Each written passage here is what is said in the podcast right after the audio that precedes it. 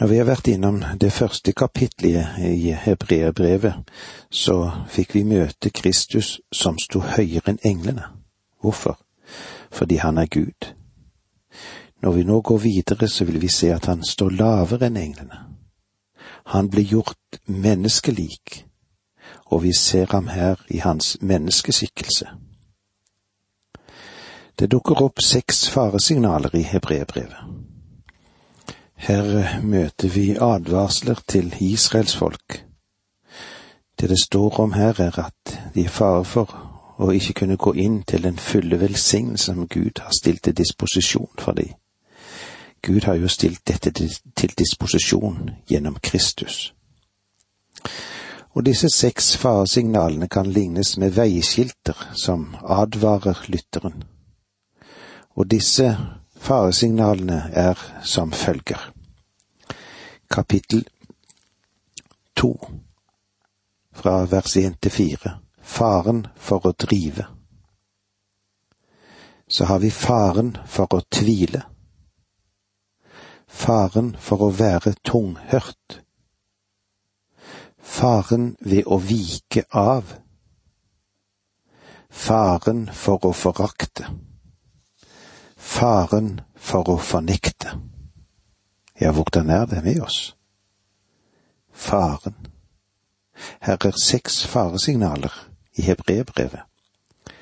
Drive, tvile, tunghørt, vike av, forakte, fornekte. Det er to områder der en troende kan oppholde seg og velge å leve. Han kan leve i ørkenen og ha en opplevelse av ørkenen. Eller han kan gå inn til Guds velsignelse ved åndelig sett og krysse Jordan. Vi finner kanskje det eksempler på dette i Israel. Gud advarte dem ved Kadash Banea at de ville forskusle hans fulle velsignelse om de lot være å ta imot og gå inn i landet. Josva førte israelsfolket bokstavelig talt over Jordanelven. Kristus leder dem som tror på ham åndelig sett over Jordan inn i et nytt og til et nytt liv. Det første faresignalet som vi var innom, er faren ved å drive. La oss være klar over at dette er en advarsel for alle Guds barn, også de som lever i vår tid en advarsel at det er fare for å drive av. Vi leser nå det første verset i eh, andre kapittel i Hebreerbrevet. Derfor må vi så mye mer gi akt på det vi har hørt, så vi ikke glir bort fra det. Fordi denne siste åpenbaringen oversteg Det gamle testamentets tidshusholdning og kom fra en som står over englene så skal den gi oss en advarsel, ja, en spesiell oppmerksomhet. Ansvaret er nå så mye, mye større. Så vi ikke glir bort fra det. Det kan også gli forbi det. Og det angir en likegyldig holdning. Det er alt som kreves. Likegyldighet er tragisk på ethvert livsområde. Men når det dreier seg om det åndelige og det som finnes på det området, så er det å høre evangeliet og ikke gjøre noe med det, da er det så uendelig mye mer tragisk. Hva må jeg gjøre for å gå fortapt? Ingenting. Ingenting. Vi har svar på spørsmålet Hva skal jeg gjøre for å bli frelst? Ja, det står jo i apostlenes gjerninger i det 16. kapitlet vers 31. Tro på den Herre Jesus Kristus, så skal du bli frelst. Men hva er så svaret? Hva er svaret ditt? Hva må jeg gjøre for å gå fortapt? Svaret er igjen ingenting. Du og jeg, vi tilhører en tapt generasjon. Vi er ikke oppe til prøving. Blir, jeg blir av og til litt ør av å høre mange ganger at Gud stiller oss på prøve. og Bibelen har noe å si oss om når det gjelder Guds barn. Og den sier oss at han ikke setter noe menneske på prøve. Saken er at vi er tapt, så han behøver ikke prøve det. I dag frelser han noen, de som vil vende seg til Kristus. De som tar imot Jesus Kristus, de kan bli frelst, og de står, består prøven. De andre, de er allerede tapt. Du gjør ingenting for å være tapt, for det er vår natur, naturlige situasjon, det. Det ligger alltid en stor fare i likegyldighet på ethvert livsområde. For ikke så veldig lenge siden så hørte jeg om en kvinne som hadde utviklet kreft i hoften. Doktoren sa til henne at hun burde ta en operasjon, men hun utsatte den stadig. Til sist kom dagen der det var for sent å gjøre noe. Hun eh, var blitt advart, men hun fortsatte å drive. Hun neglisjerte det å ta affære inntil det var for sent. Og hvis du nå flytter dette med å la tingene gli på et høyere plan eller høyere område, hører evangeliets budskap og ikke gjør noe med det, så er det så uendelig mye mer tragisk. For mange mennesker hører evangeliet og gir en viss overfladisk tilslutning til det, men de gjør ingenting med det. Jeg vet ikke hvor mange jeg har stått overfor opp gjennom det livet som jeg har levd. Jeg har bedt dem om å benytte øyeblikket, det evige øyeblikk, som er et møte med den oppstandende frelser. Og eh, erfaringen er nettopp nå det som jeg gir de. Like fortvilende er det hver gang når et menneske vender ryggen og ikke vil høre, vender ryggen til det kostbare å få lov å ta imot frelsen. Jeg skulle gjerne ha sett alle de som har hørt evangeliet, at de skulle bli ført inn til et nytt liv og tilhøre nå-generasjonen. Nå har vi en velbehagelig tid nå er frelsens dag. Det ligger en uhyggelig fare i det å drive, og hebreerbrevet, den advarer oss mot det. Vers to For også det ord som var talt gjennom engler var gyldige, slik at hvert lovbrudd og all ulydighet fikk sin fortjente straff. For eksempel skjedde det at da de to englene kom til Sodoma med budskap om at Sodoma skulle ødelegges, så ble Sodoma ødelagt nøyaktig slik de hadde sagt. Faktisk er det slik at hver gang en engel brakte et budskap, så kunne du stole på at det ville skje slik som det var sagt. Legg nå merke til spørsmålet i vers tre her i kapittel to. Hvordan skal da vi slippe unna dersom vi ikke bryr oss om den frelse som er så mye større? Den ble først forkynt av Herren og siden stadfestet for oss av dem som hadde hørt ham. Her møter vi et spørsmål som selv ikke Gud kan svare på. Jeg prøver altså ikke å være respektløs, eller si noen på en populær måte men Gud gjør det klart at han ikke kan svare på det spørsmålet. Hvordan skal da vi slippe unna, dersom vi ikke bryr oss om den frelse som er så mye større? Kjenner du til en flyktmulighet? Den eneste veien er Kristus. Han sa det selv slik i Johannes 14, 14,6. Jeg er veien, sannheten og livet. Ingen kommer til Faderen uten ved meg. Og eh, i Bibelen leser vi videre, i ordspråkene 1625. Om mannen mener at veien er rett, kan han likevel ende i døden. Det er mange veier som synes å være det rette for menneskene. Det finnes så kolossalt mange tilbud på livssynsmarkedet også i vårt lille land. Ser du etter et eller annet bestemt religiøst uttrykk, så vil du finne det. Om du ikke finner noe som du liker, så kan du jo starte ditt eget. Og jeg kan nesten garantere deg at noen vil etterfølge det som du måtte finne på. Det finnes mange veier som synes rett for mennesket, men til slutt ender det i døden. Hvordan skal vi kunne unnfly om vi ikke bryr oss om den frelse som er så stor? Hva gjør du?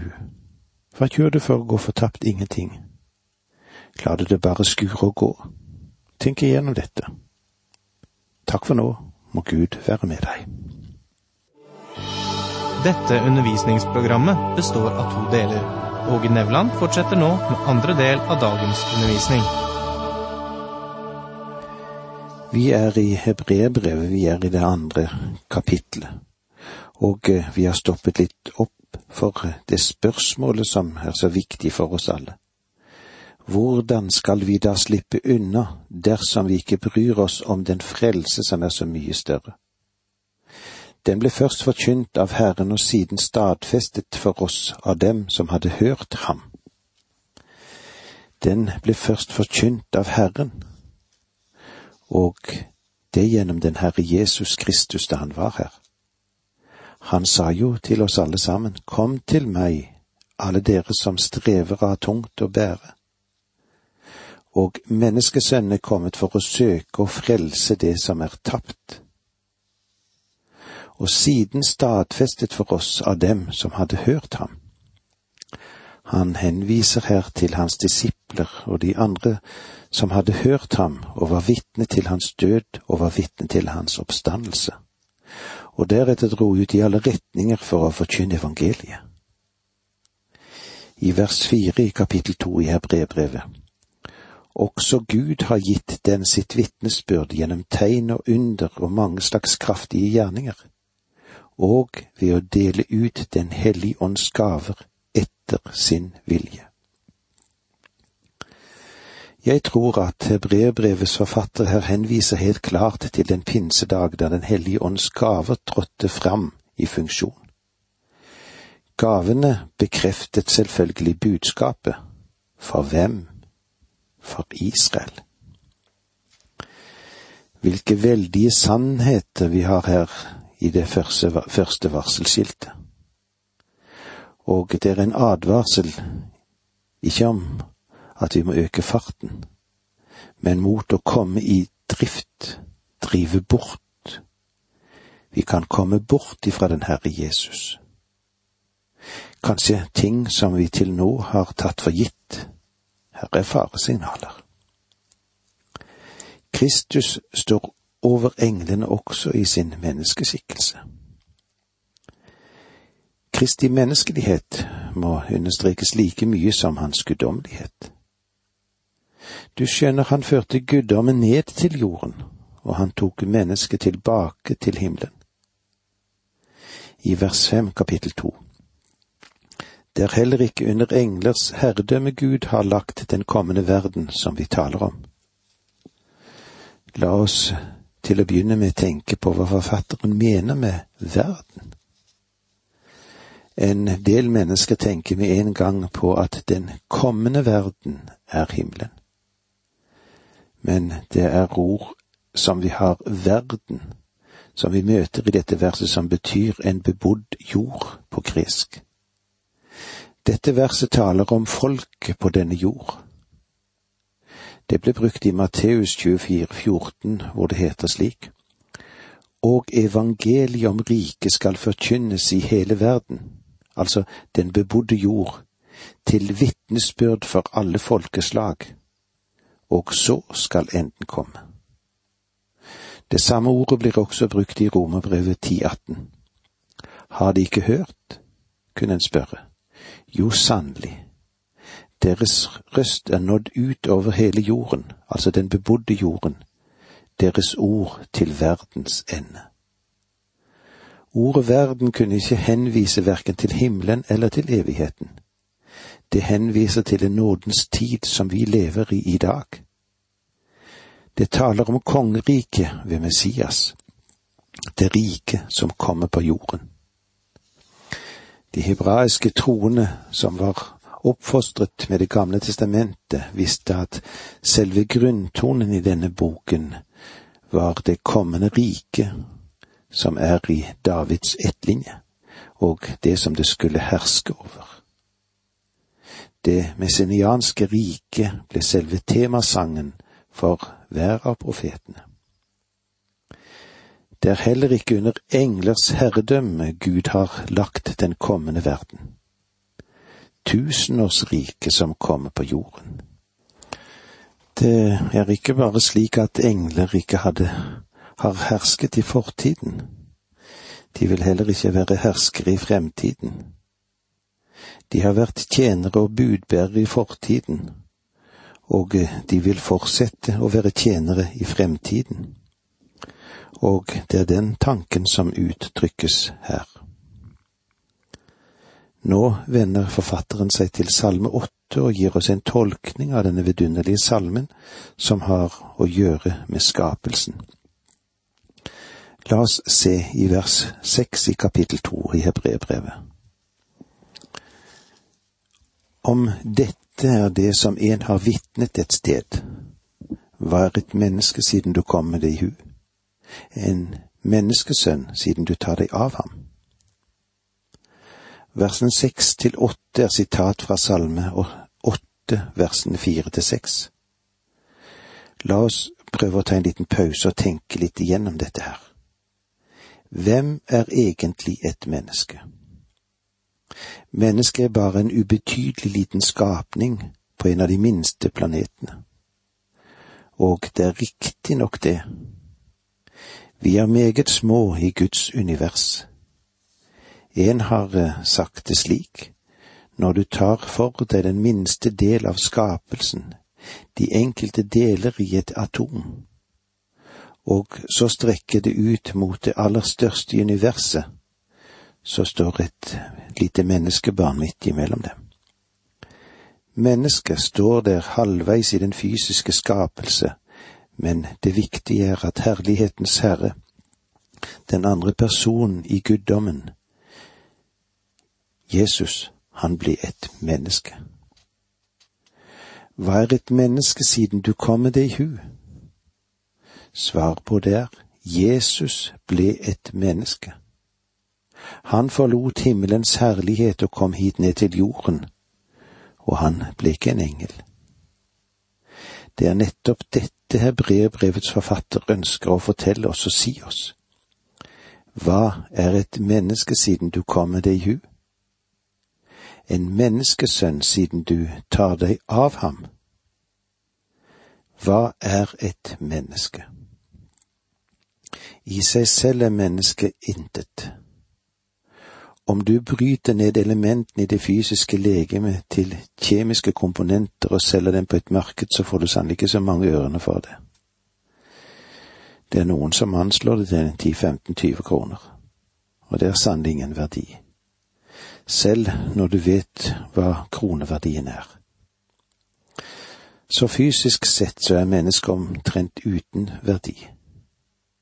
Mentalt sett så tror mennesket at det er noe men mennesket vet, vet svært lite. Hva vet vi egentlig om dette veldige univers, det som vi lever i? Vi har brukt milliarder og atter milliarder for å sende noen mennesker til månen for å prøve, prøve ut hva som egentlig er der. Ja, hva er der? Vi gransker månen og strekker oss ut mot de øvrige planeter. Men eh, jeg tror at eh, det første kapitlet som vi finner i første Mosebok, det lyder mye klarere enn noen av det mennesket finner frem i sine teorier. Nei, vi får vel på mange måter være enige om at mennesket er ikke så forferdelig mye å skryte av, verken fysisk eller mentalt. Vi kan ikke løfte mye, vi. Vi kan ikke gjøre så veldig mye, vi. Mennesket er egentlig svært begrenset og når du tar et intenst blikk på mennesket, så vil du snart oppdage at det egentlig er en fortapt synder. Mennesket står i grunnen i en fryktelig situasjon. Hva er egentlig mennesket at Gud skulle komme det i hu? en menneskesønn siden du tar deg av ham? Vel, han besøkte oss fordi han ønsket å kommunisere med oss, og han ønsket å frelse oss fordi han så vår fortapte stilling.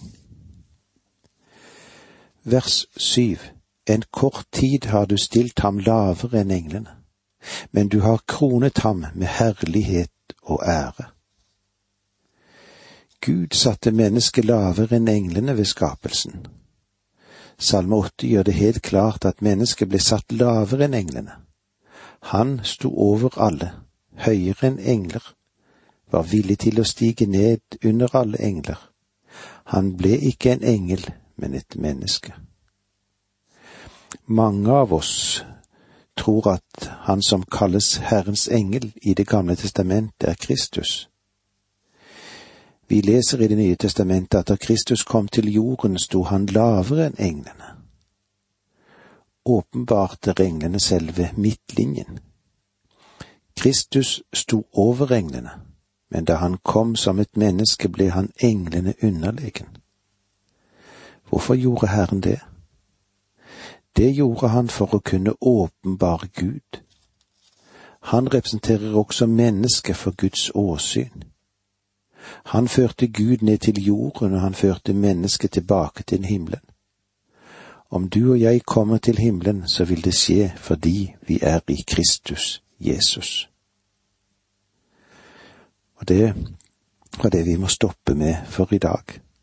Om du og jeg kommer til himmelen, så vil det skje fordi vi er i Kristus.